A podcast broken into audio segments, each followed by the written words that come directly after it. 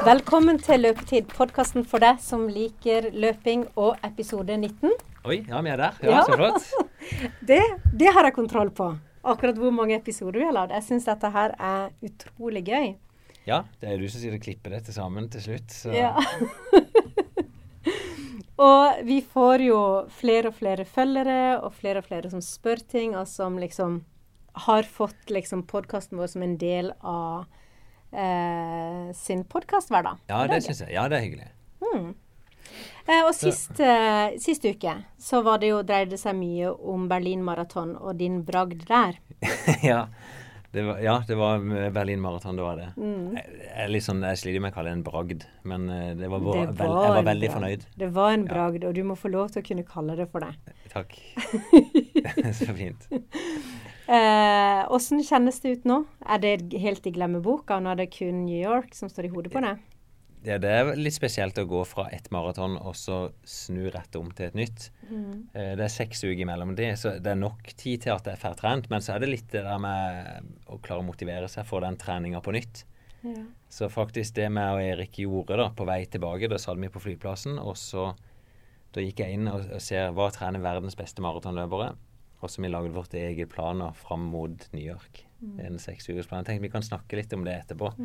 Og det er jo litt lettere å sitte på tegneblokker da, og planlegge de brutale øktene vi skal gjøre, og den treningsmengden en skal gjøre. Så nå står jeg jo midt oppi det. Det knes i trening. Og skal klare å få gjennomført det. Ja, jeg skal ta litt om det. Om Men det. tenker du aldri at eh, For jeg er litt sånn hvis jeg skal gjøre noe veldig, veldig slitsomt, Ja, så motiverer det meg at dette her trenger jeg ikke å gjøre mer.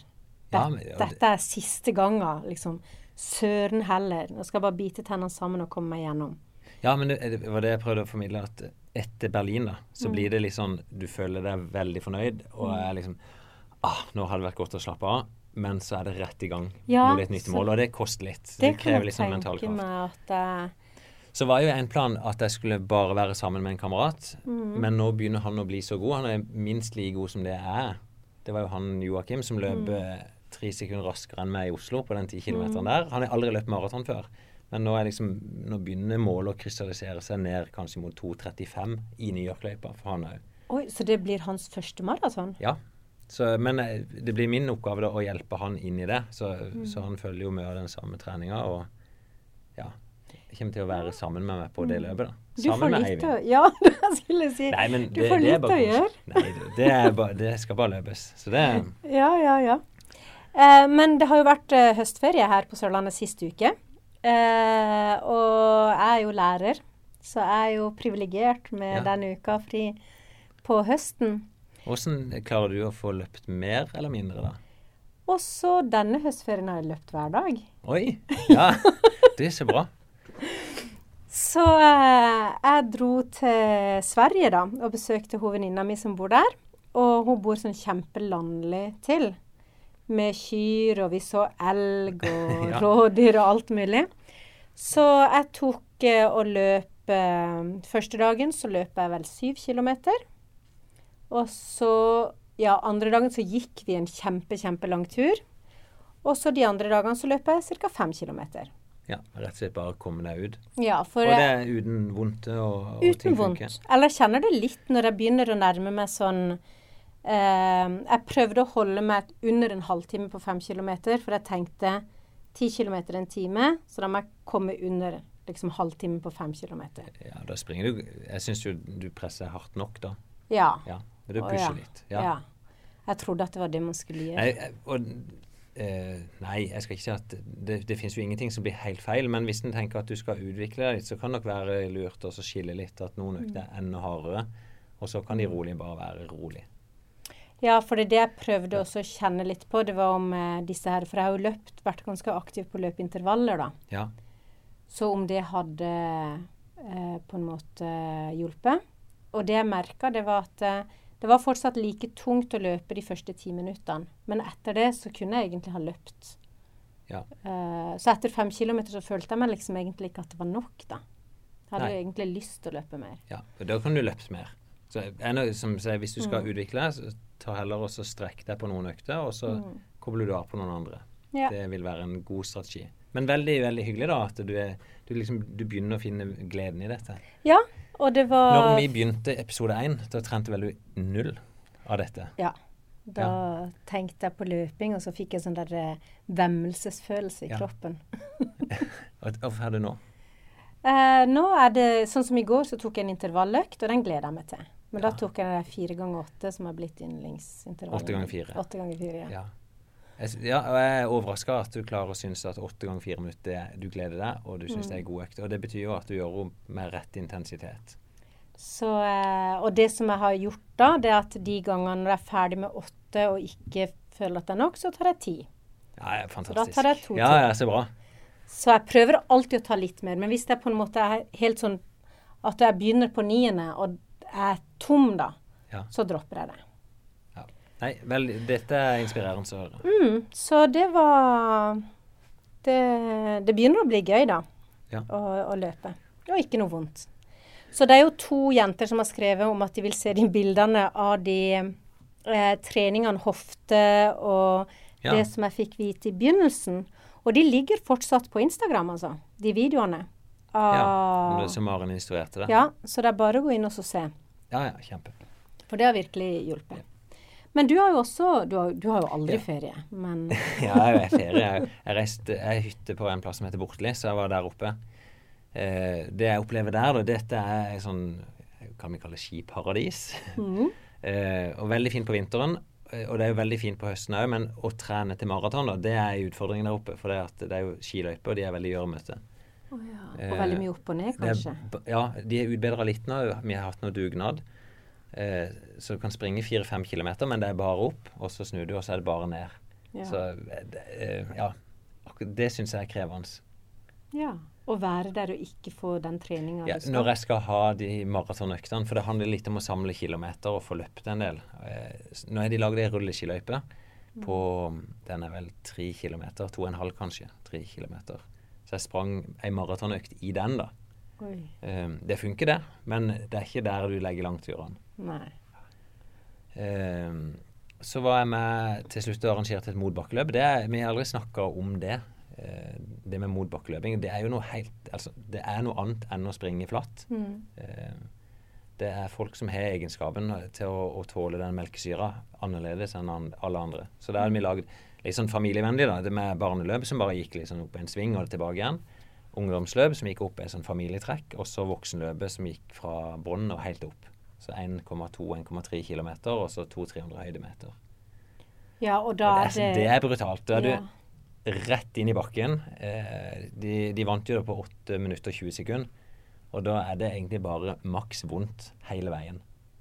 Så eh, han som vant, eh, det han er jo gammel eh, skiløper og, og gammel terrengløper og skiskytter. Jeg tror han en som heter Odd Snerthammer. Han kom ganske uberørt opp. Han som ble nummer tre, han kom halsende bak. Trodde kanskje han skulle ta han Snerthammer på slutten og kollapsa fullstendig. Så han ble liggende ja, i hvert fall ti minutter på målstreken. Jeg, jeg godkjente tida hans, det var meg som hadde ansvar for det. Eh, og så hjalp jeg han ned bakken etterpå, kjørte han i bil. Og én time etterpå, når vi hadde premieutdeling, da lå han fortsatt og Ja, han klarte ikke Han var ikke bevisst, nærmest. Oi. Men hvorfor er det så tungt å løpe i oppoverbakke? Du skal flytte vekta di opp, da, i hvert fall. Eh, så du får ei enorm altså, belastning muskulært. Det krever mye å flytte deg opp. Gjør at du ofte du, du arbeider over det vi kaller VO2 max, altså over eh, ja, på maksimal kapasitet. da. Mer eller mindre hele tida. Du får ingen pause, det er ikke noe hvilesteg. Så da blir det tøft. Kan det ha noe med Du får liksom ikke strekt ut kroppen heller, for du er alltid en sånn der eh, oppoverbakke Ja, men faktisk, en prøver å unngå å bøye seg for mye fram når du springer opp bakken. Du prøver å holde deg okay. høyreist. Det gjør du. Og så prøver en typisk, istedenfor å strekke ut steget, så prøver en heller å korte ned steget litt. Så korte, raske steg som bringer deg Mm. lettest mulig opp. Og så er det noe, ikke til å stikke under stol, at de beste motbakkeløperne ofte er litt små, lette løpere. Ja. Så lite kroppsvekt som mulig for å komme opp de bakkene fortest mulig. OK. Det var, ser det var det løpet. ja, der, men en ser ofte òg at uh, ungdom kan gjøre det liksom ekstra godt. Ja. Uh, Og så når du begynner å bli voksen og bygge muskler, så sliter du mer opp bakkene. Det ser du jo langrennsløper. En har jo sett Therese Johaug springe fra Petter Northug i motbakkeløp. Ja. Ikke begynn med det, folkens. Det er galskap. Vi så jo For to uker siden så var det jo Stolsen kleiva opp, der vi så Jakob Ingebrigtsen kollapse på toppen. Som, er- ikke sant, han er en av, vi, vi kan jo si, en av verdens beste løpere. Blir slått med nesten ett og et halvt minutt av løpere som, som han vil stå med ett og et halvt minutt på en 3000 meter. Eller i hvert fall slå de solid. Så det er noe annet. Men hvorfor skal man. Ja, men eh, er det Du sa til meg liksom sånn at vi skulle prøve det en gang. Eh, Som trening. Ja, så, som ja, ja. trening. For, du bygger styrke. Jeg, jeg kaller det styrke i strekkapparatet. Da, altså de muskulaturen som bringer deg Mm. fram. Løpemuskulaturen. det er lår, legger. Ja, og hofte. Og rumpe. og- ja, rumpe. Mm. Eh, så bli veldig spesifikt på det. Eh, og så får du brukt hjertet. Og du ønsker jo ikke sant, Hjertet er jo den største muskelen, som Mm. betyr kanskje aller mest for kapasiteten din. Mm. Så, så det er en fin måte, bare det gjør ofte veldig vondt. Så det folk som regel gjør feil, er at de, de kjører de øktene litt for hardt. Eller de begynner for hardt. Ja. Da blir resultatet blir egentlig bare at det gjør vondt hele tida, uten at du klarer å få så god fart på det etter hvert. ja, så man Så- skal begynne rolig, og så løpe Springer inn i de øktene der, så kan det, det kan oppfattes bra, men de færreste klarer å, å oppfatte en bakkeintervalløkt som veldig god. For det gjør litt vondt. Ja, og når du sier at det gjør vondt, Nei, da, da er det- det Men, men særlig sånn i formtopping så bruker vi det ofte inn på våren. Når utøveren skal liksom ha den siste piffen, så fem, seks, syv uker med det, så ser det ut til at den løfter seg. da Han blir enda bedre form. Men Ja. det, er ikke noe, det er ikke nødvendig å holde på med det hele året. Nei. Men vi må jo prøve. Vi har ikke fått Vi har ikke gjort ennå. det, og det skal vi få gjort. Ja. Men det er bra. Eh, du, men det er jo en annen ting som står og banker på døra nå, og det er jo vinteren. Ja, det begynner vi å merke. Mm, det er litt sånn kjølig i lufta. Ja, det begynner jo å bli, i hvert fall her med nå, så begynner det jo å nærme seg null på noen morgener, og regn og sludd.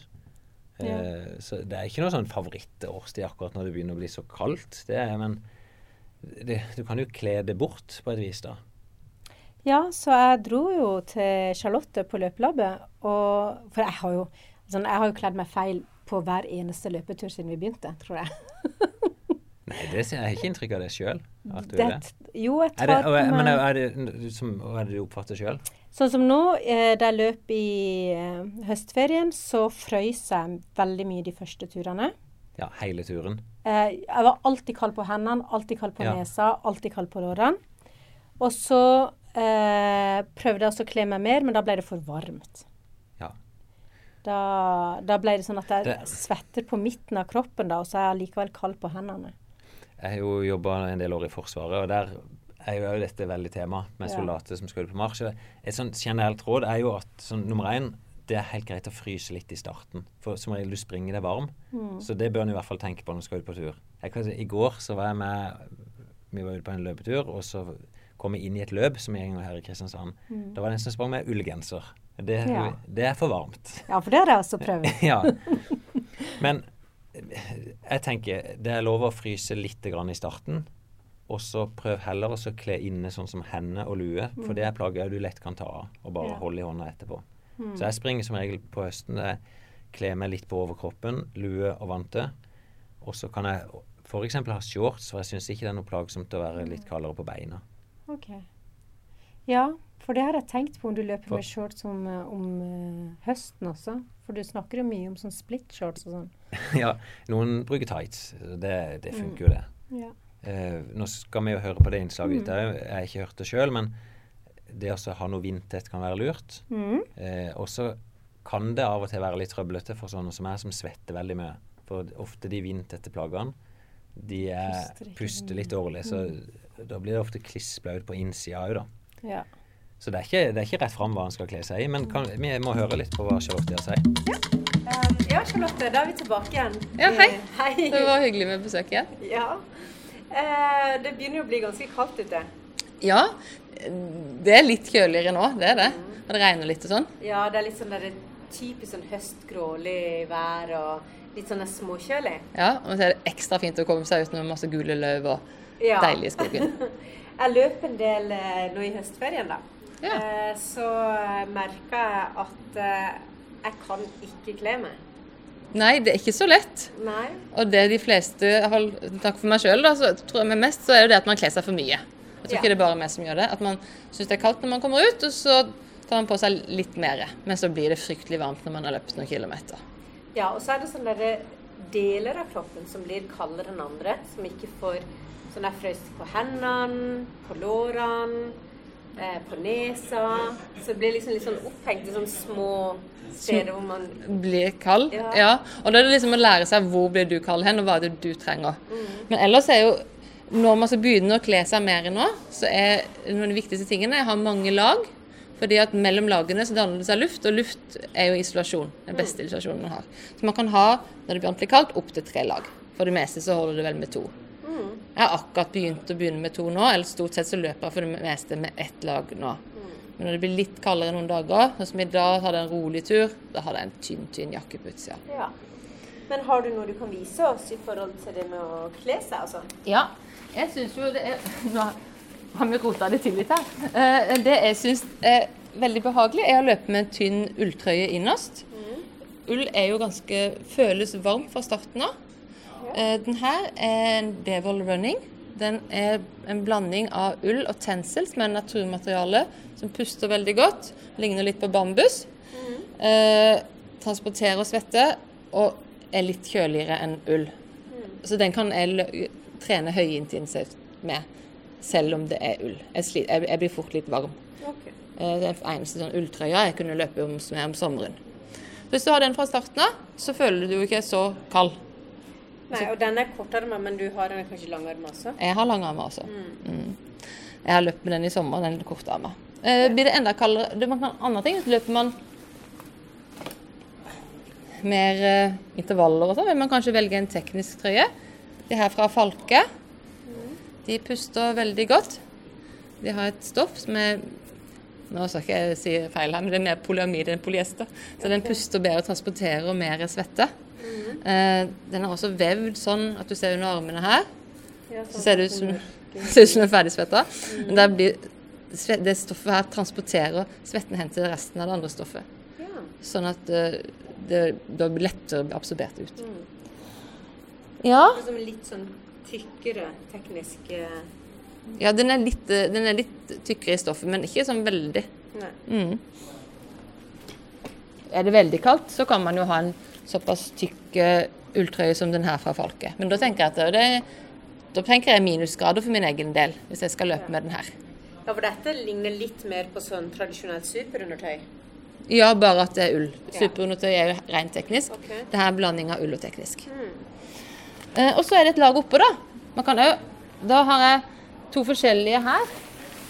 Akkurat nå så løper jeg med enda litt tynnere jakker enn dette, som bare er litt eh, bindtette. Den her er en bindstopperjakke fra gård. Den er også vanntett, men den har ikke teipa sømmer og sånn. Veldig lett til å være vanntett jakke. Puster veldig godt. Og det her er en Gore-Tex-jakke fra gård. Den er jo helt 100% vanntett. Så hvis du er skikkelig redd for å bli blaut, så, så er det en jakka. Men det er, det er enten kaldt eller veldig rolig løping, tenker jeg. Ja, fordi denne Du vil svette mer inni en sånn en. Lite grann. Ja. Den puster jo, altså Gore-Tex puster, men ikke så mye som en tynnere jakke. Altså, Nei. nei. Men du sa du frøs på hendene. Ja. Det gjør jeg òg. Eh, og da løper jeg med vanter. De her er sånn vindstoppervanter fra gård. ja. Det blir litt kaldere før. Ja. Det blir litt kaldere før jeg tar på de. Nå løper jeg på de kaldeste turer, eller rolige, kalde turer med en sånn tynn, tynn fra Devold. Det er ull. Det er ull, ja. Den syns jeg er deilig. Ja. Jeg har ødelagt mine på første tur. Jeg løp i skauen og klamra meg til noen trær. De er kanskje med til sånn pen asfaltløping. ja. Ja. Pen asfaltløping. Sånn det som Finn driver med. Ja, ja. Jeg vet ikke, han løper så fort. Jeg vet ikke om man kan kalle det for pent da. Det er kanskje hårete asfaltløping hvis det går så fort. Ja. Eh, og så en lue fra Devold for de som fryser på hodet. Mm.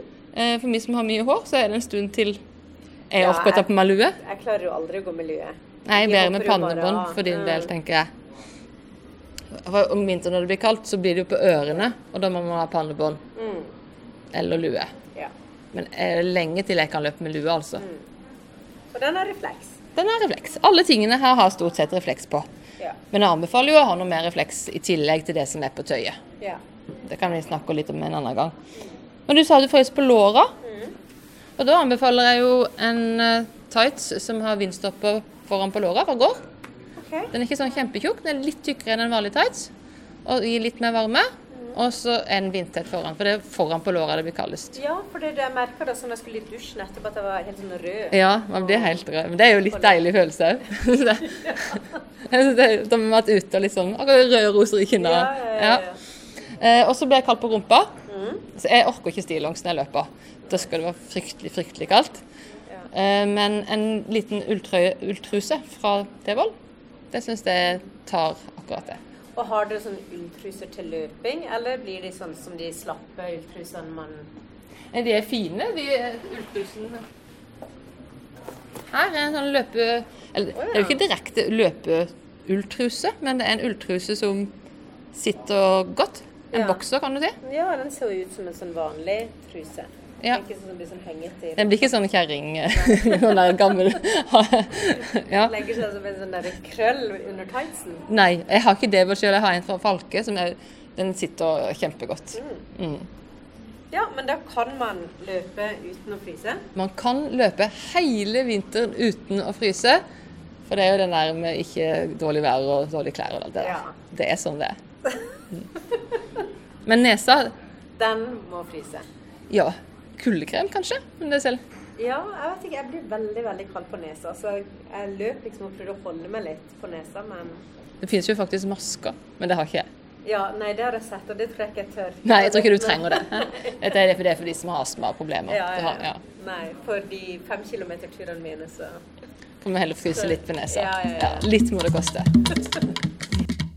Ja, men det var jo noen gode tips da fra løpelabbet i forhold Ja, ja. til det å kle seg. Jeg syns Charlotte er flink. jeg. Ja, hun er veldig flink. Ja, hun er jo en av løperne i klubben, hun òg.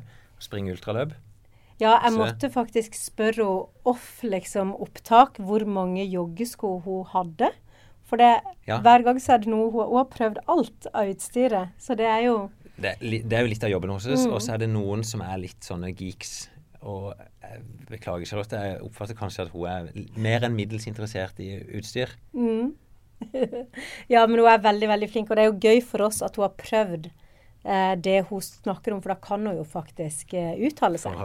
Ja. Så det er vi veldig, veldig fornøyd med. Men du, eh, det er jo en annen ting som også skjer på høsten, for mange i hvert fall. Og det at du får litt sånn der vond, sår hals Mm. og temperaturskiftene fra inne og ute. Og trekk i nakken. Og. Trekk i, i nakken, ja det har ikke jeg så mye av. Men, eh, men eh, er det OK å løpe? Jeg husker at vi snakka om dette før.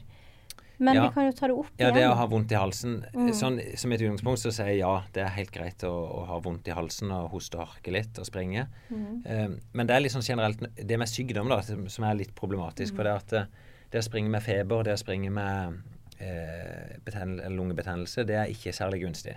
Nei, lungebetennelse, da skal du vel holde Ja, deg rolig. Så, så et sånt råd jeg bruker til utøverne, og prøver å bruke på meg sjøl, er at eh, første dagen du føler deg dårlig, så enten stå av eller bare jogg helt rolig.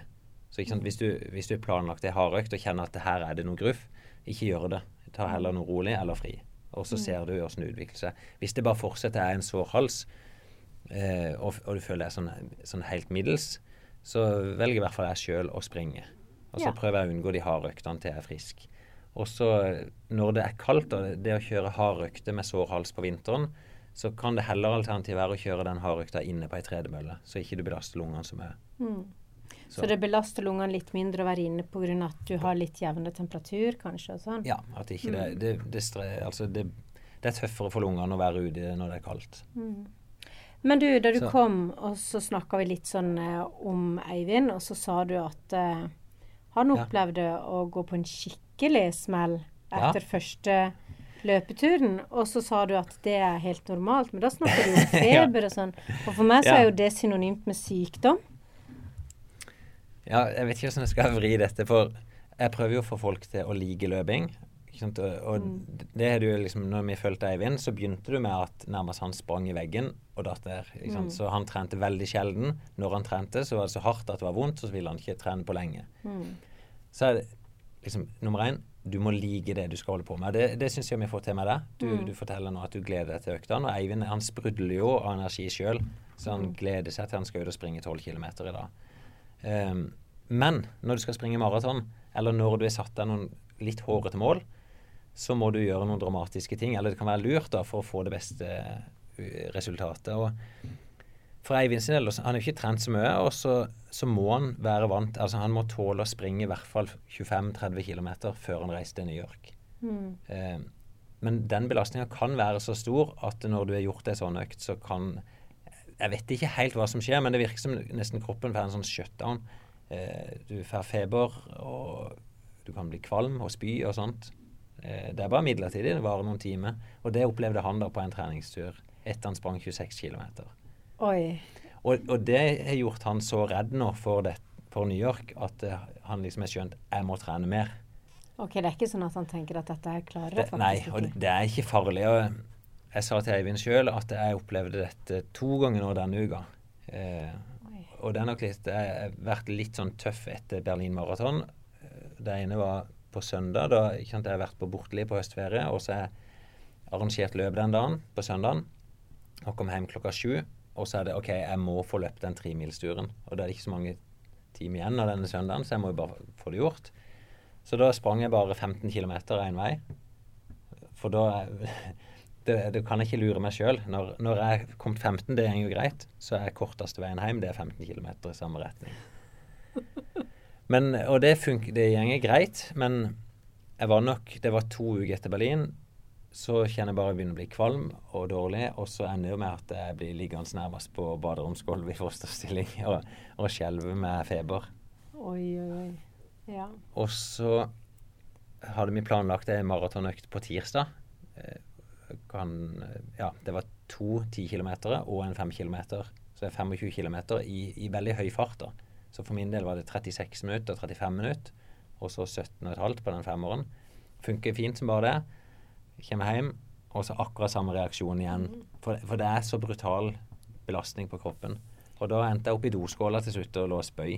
Oi. Eh, og da skjønner jeg jo at OK, dette Kroppen prøver å fortelle deg noe. Ja. Og så jeg, jeg skjønner OK, dette er ekstremt. Jeg tror det vil lønne seg for meg til slutt i New York, men det er ikke dette jeg anbefaler vanlige folk som skal ha vanlige mål, altså.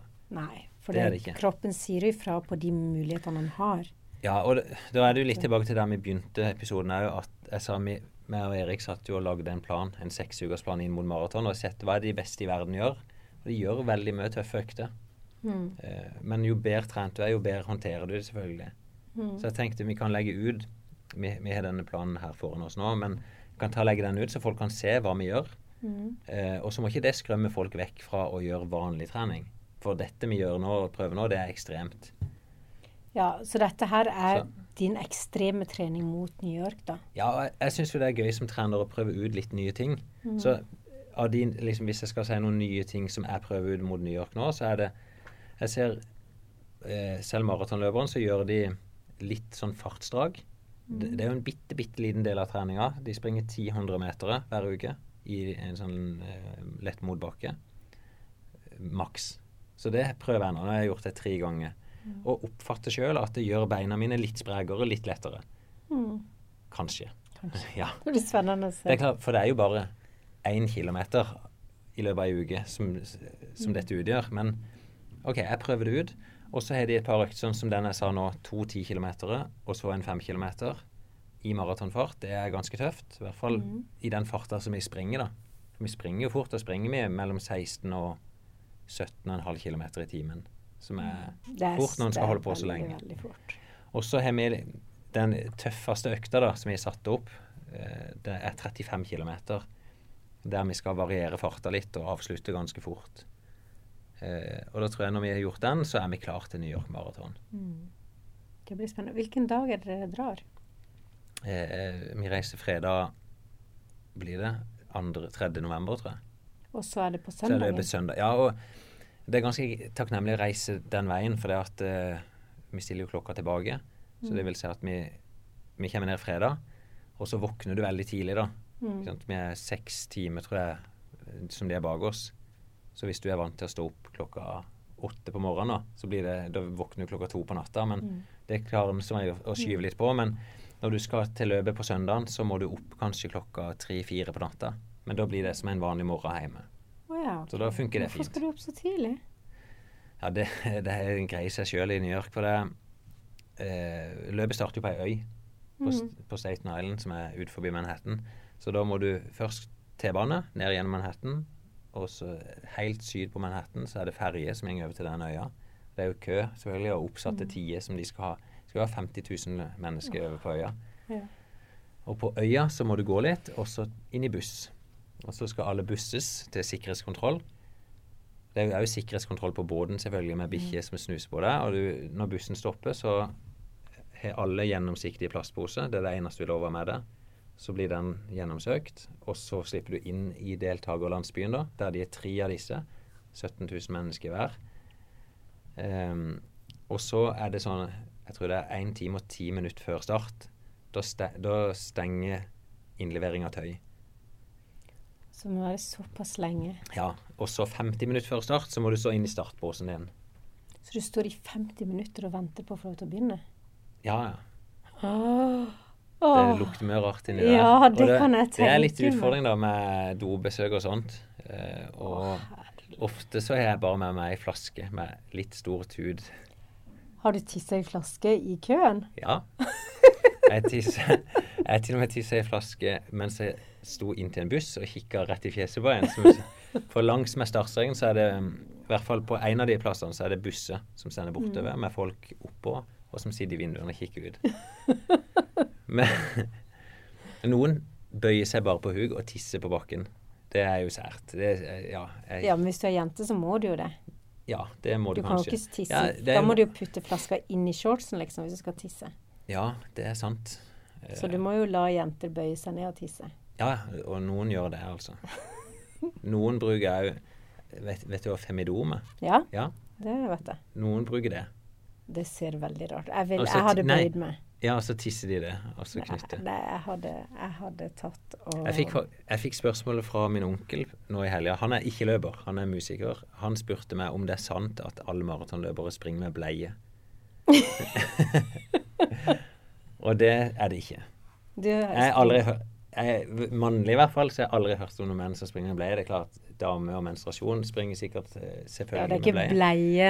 Nei, da er det bind. Det er bind. Men eh, folk springer ikke med det. Nei. Men eh, det finnes jo masse eksempler på blant de aller beste at de må rett og slett eh, gjøre sitt fornødne mens de springer òg. Og, og slåss du om seieren i et verdensmesterskap, så gjør folk det. Ja, de bæsjer på seg, liksom. Ja, de gjør det.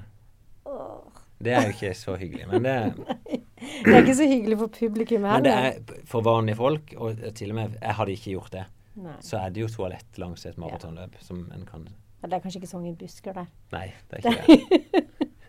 Men eh, vi, Nei. snakket, vi begynte jo på Eivind, så Ja. jeg snakka med Eivind i stad. Eh, Han har ikke vært med opp her, men jeg tok han bare på kontoret. Mm. Han er en eh, hektisk hverdag, han er på jobb.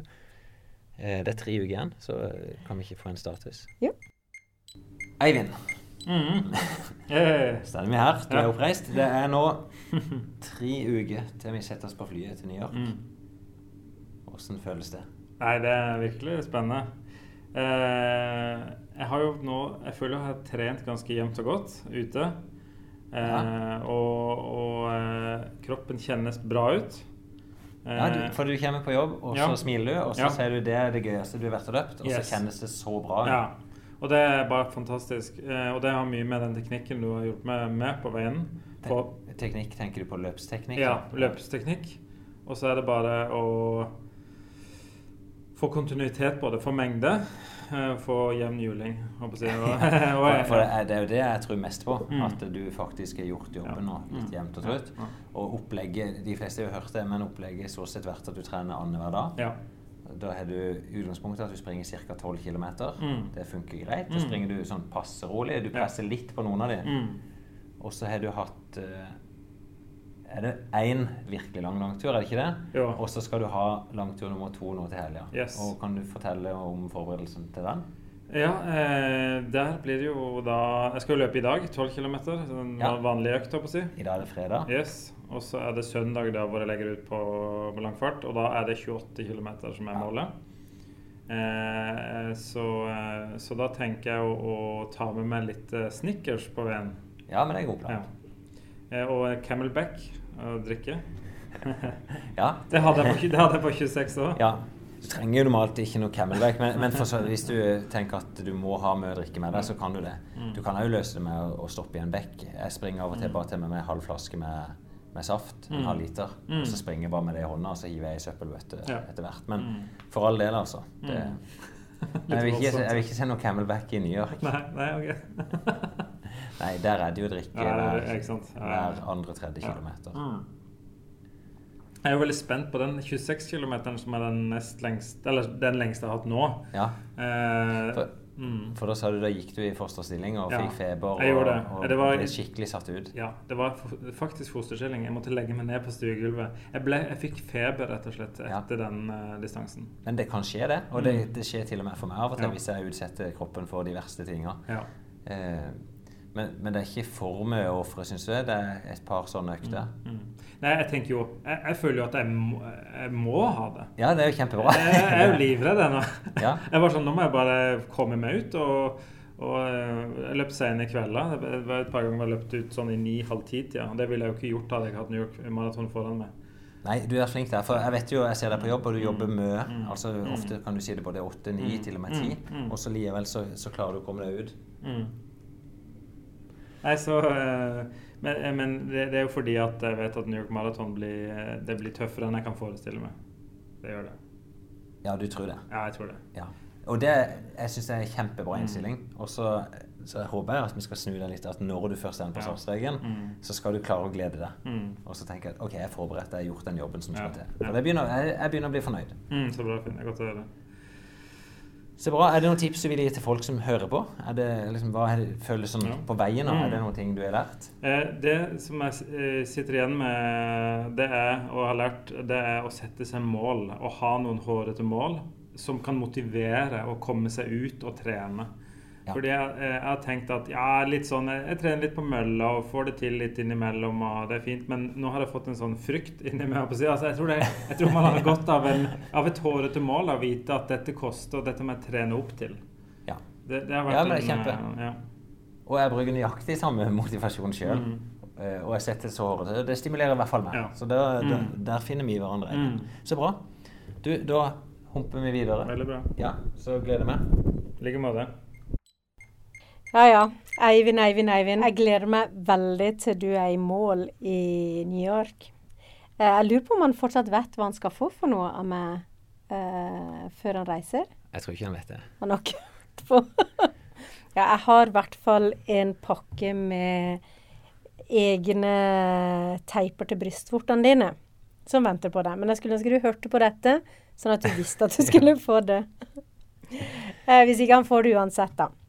Men du, vi fikk inn et leserspørsmål Det av en som lurer på om vi har lagt ut alle Eivinds treningsprogram Ja, fra starten. jeg ble litt i tvil når du stilte meg det spørsmålet i stad. Jeg tror vi har gjort det, men um, jeg kan i hvert fall legge ut det som vi lager til han. Ja. Og så kan jeg si, i hvert fall meg som trener, er ikke noe avhengig, nei, noe tilhenger av at det er bare en sånn fastlåst plan. Eh, så har jo dialogen med Eivind. Altså hva- er det han skal få til? Hva er det vi, skal, er det vi prøver å oppnå? Og så får han til å liksom finne sin rytme. Ja. Men, eh, men vi lagde utgangspunkt fra starten, og nå følger han en plan som er veldig enkel. To rolige løpeturer i uka på ca. 12 km. En lang, lang tur. Og en intervall. Mm. Og en intervall. Ja. Ja. Når du sier annenhver uke, det er liksom han prøver å ha en ekstra lang annenhver helg, og så en litt kortere, men likevel lang, da. Altså sånn 16-18 km, litt fortere annenhver uke. Ja. Er, det er for en, en sånn grei, fin miks mot maraton, da. Du, det er jo eh, oktober og rosa sløyfemåned. Ja. Eh, så det skal være løp i Kristiansand, skal det ikke det? Ja, det skal det. Det er eh, Kreftforeninga sammen med Runners World som stender bak det. Og her i Kristiansand så er det Kristiansand løpeklubb og, og meg selvfølgelig da som, som skal ha ansvar for dette. Selvfølgelig. Ja. Eh, og vi syns jo det er kjempepositivt å kunne være med og bidra på noe sånt. Eh, de har vel satt en målsetning om ca. 1000 løpere. Mm. Hvor langt må man løpe? Ja, løypa er, er det er meg som har lagd løypa. Hun Mm. er ca. 8 km. Eh, jeg har fått litt kommentarer på at noen syns det er litt langt, så det kan godt være jeg justerer henne bitte grann ned. Mm. Eh, det er litt sånn at man sier hvor langt må man løpe? Men, men det er nok litt sånn jeg oppfatter at folk stiller opp for kreftsaken her, og det er jo kjempebra. Ja. Så, så det blir tidtaking og sånt, men fokuset er ikke det viktigste. Det er liksom om å vinne. Og så er det, det er mange som spør at dette er jo bare for jenter, men det er jo ikke det. Nei. Men det er til støtte for brystkreft, det er det. Eller Ja. behandling av brystkreft. Ja. Ja.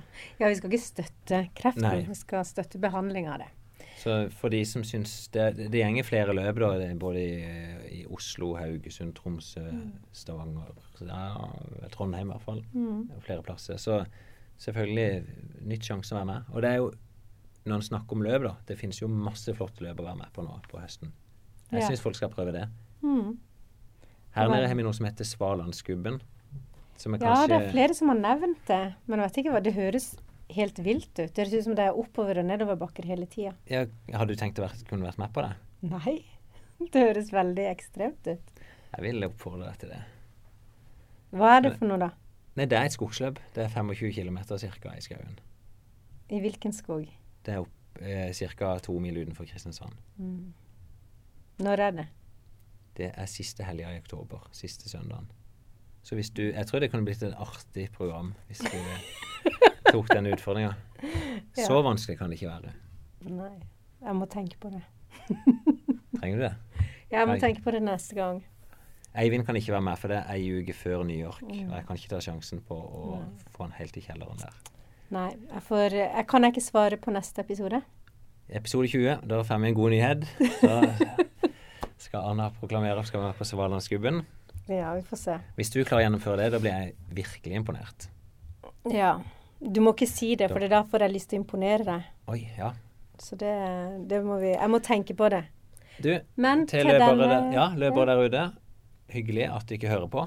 Mhm. Og så kom med spørsmål. altså Vi skal prøve å være aktuelle. og Jeg jeg har ennå mange planer på folk jeg har lyst til å snakke med. Ja, vi har jo Så. ikke fått snakka med de vi har annonsert i begynnelsen, men det kommer. Ikke sant? det. Nå har det skjedd så mye. Jeg snakker jo med folk, så Ja. nå skal jeg reise til norsk mesterskap i terrengløp. Så flyr jeg om halvannen time. Det er det du Skal ha med meg fem utøvere her fra byen. Ja. Så da får vi hørt litt om det Ja, jeg, jeg tar i hvert fall med meg opptakeren, så kan vi se om vi finner noen interessante historier der oppe. Ja. Fint. OK. Da er det bare å gå ut og løpe.